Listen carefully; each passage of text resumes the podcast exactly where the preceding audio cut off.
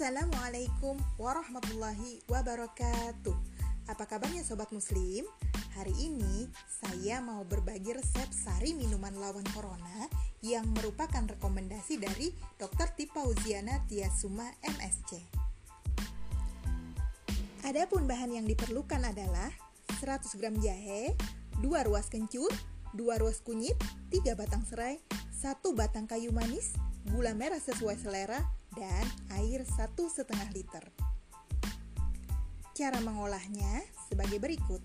Pertama, bersihkan rimpang dengan disikat untuk membersihkan kotoran tanah yang menempel pada rimpang.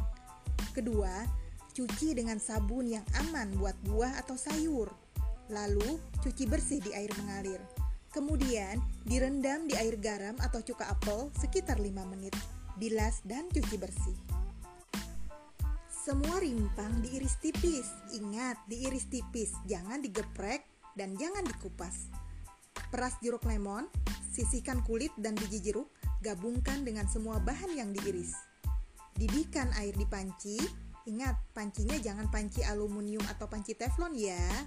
Lalu masukkan semua bahan kecuali perasan lemon. Tutup rapat Masak sekitar 10 menit dengan api sangat kecil agar komponen bioaktif terjaga dan keluar. Setelah dingin atau hangat, masukkan perasan lemon. Saat akan dikonsumsi, bila ingin manis, tambahkan madu murni atau gula aren yang sudah dicairkan atau bisa juga gula batu coklat dari tebu asli untuk menambah rasa.